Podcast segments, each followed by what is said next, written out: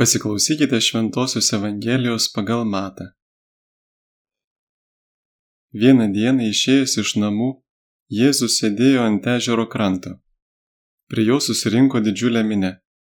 Todėl jis įlipo į valtį ir atsisėdo, o visi žmonės stovėjo pakrantėje ir jis daug jiems kalbėjo palyginimais. Jis sakė, štai sėjėjas išsirengė sėti.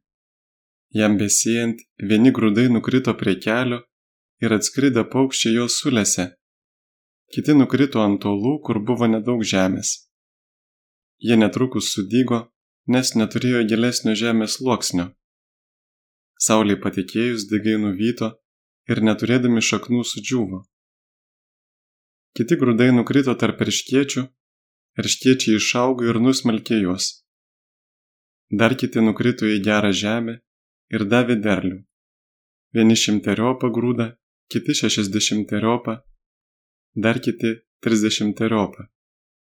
Kas turi ausis, te klauso. Girdėjote viešpatie žodį. Evangelija pagal matą parašyta žydams turi aiškę penkių dalių struktūrą, primenančią žydų penkiaknygę vadinamą Torą, lietuviškai įstatymų. Prologas apie Jėzaus vaikystę ir didžiosios savaitės įvykių pasakojimai rėmina penkias dalis, kurių kiekviena pradedama pasakojimu ir baigiama Jėzaus kalbomis.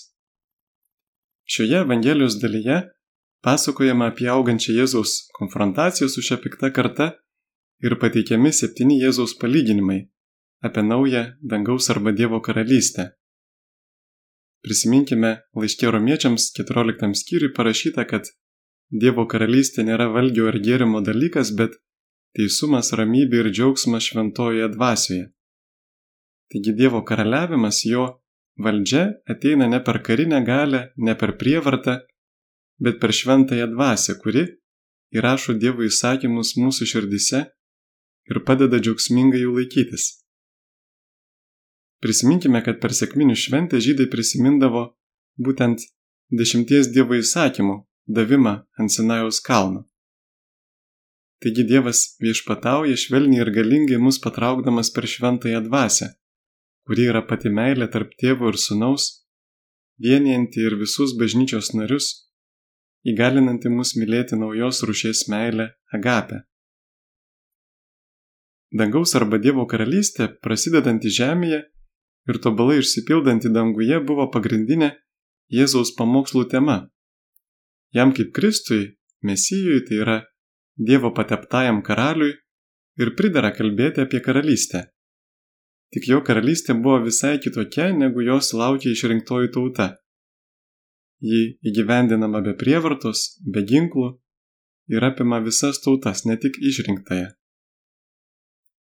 Šiandieniai kultūroje palyginimus, kuriais Jėzus kalbėjo, suprantame kaip vaizdinius, padedančius geriau suprasti, įsiminti, gebančius sudominti.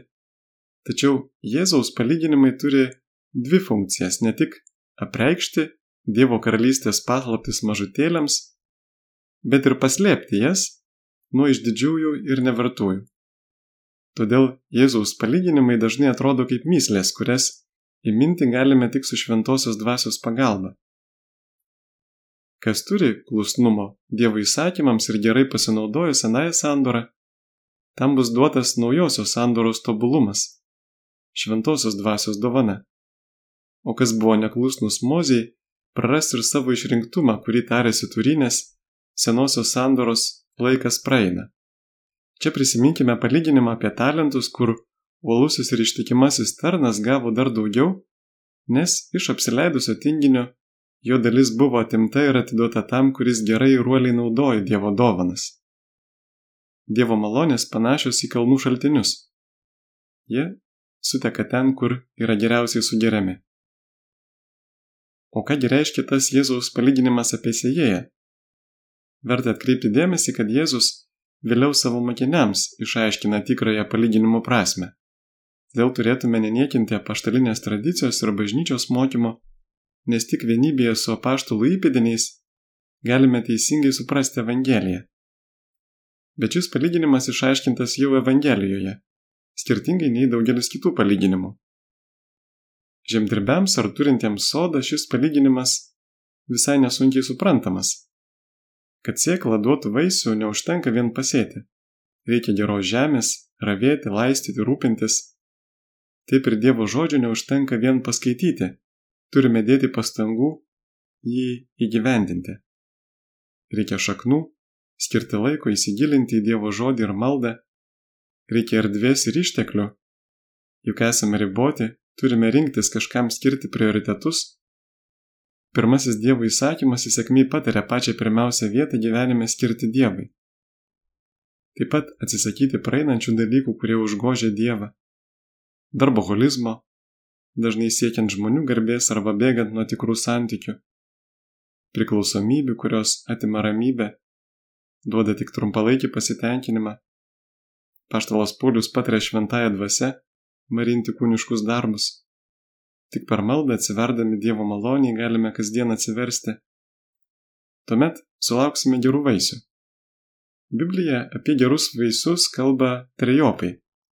Pirma, kaip apie vidinės nuostatas darybės išugdytas šventosios dvasios, kylančias iš maldos ir vienybės su Jėzumi. Tai meilė, ramybė, džiaugsmas, kantrybė, malonumas, malonus elgesys su kitais, gerumas, ištikimybė, romumas, susivaldymas, kaip išvardinta laiškė Galatams penktame skyriuje. Antra, kaip iš jų kylančius gerus žodžius ir darbus, pasireiškiančius teisingų ir gėlestingų elgesių su artimu. Trečia, kaip apie šventosios dvasios ir gerų darbų liudijimo paskatintus atsivertimus.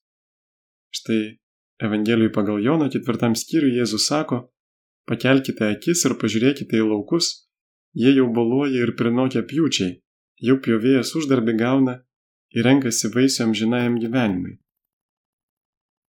Jeigu praėjus visam mūsų gyvenimui ne vienas žmogus nepanorės pamesti nuodėmės kelių ir sekti Kristumi, mūsų gyvenimas bus bevaisis. Jeigu dėl mūsų gyvenimo blogo pavyzdžio, nors vienas žmogus pames doros kelią ir pasirinks nuodėmę, vargas mums. Tad galime baigti apaštalo Pauliaus žodžiais iš laiško korintiečiams, kurie skatina mūsų atsakomybę, bet kartu ir viltį, begaliniu Dievo gailestingumu. Paštalas Paulius rašo, juk niekas negali dėti kito pamato, kaip tik tą, kuris jau padėtas, tai yra Jėzus Kristus. Ar kas ant šio pamato statų iš aukso, sidabro, brangiųjų akmenų, medžio, šieno šiaudų, kiekvieno darbas išaiškės Teismo diena jį iškels aikštėn, nes jį pasirodys ugnimi, ir ugnis ištirs, koks kieno darbas. Kieno statybos darbas ant to pamato išliks, tas gaus užmokesti, o kieno darbas sudegs, tas praras užmokesti. Jis pats išsigelbės, bet tartum per ugnį. Iš pirmojo laiško korintiečiams trečios skyrius. Viešpati Jėzau, Dėkojom tau už tą kilnų pašaukimą, kad kvieti būti mus tavo bažnyčios nariais, kvieti dalyvauti tavo karališkoje kunigystėje, kad leidi mums tapti tavo bendradarbiais ir šauki būti tavo bendradarbiais. Meldžiame suteik šventosios dvasios malonę, kad mūsų gyvenimas būtų perkeistas tavo meilės, kad iš tikrųjų duotume vaisių, kad neliktume be vaisiai ir kad tie vaisiai būtų tokie, kurie išlieka visą amžinybę. Amen.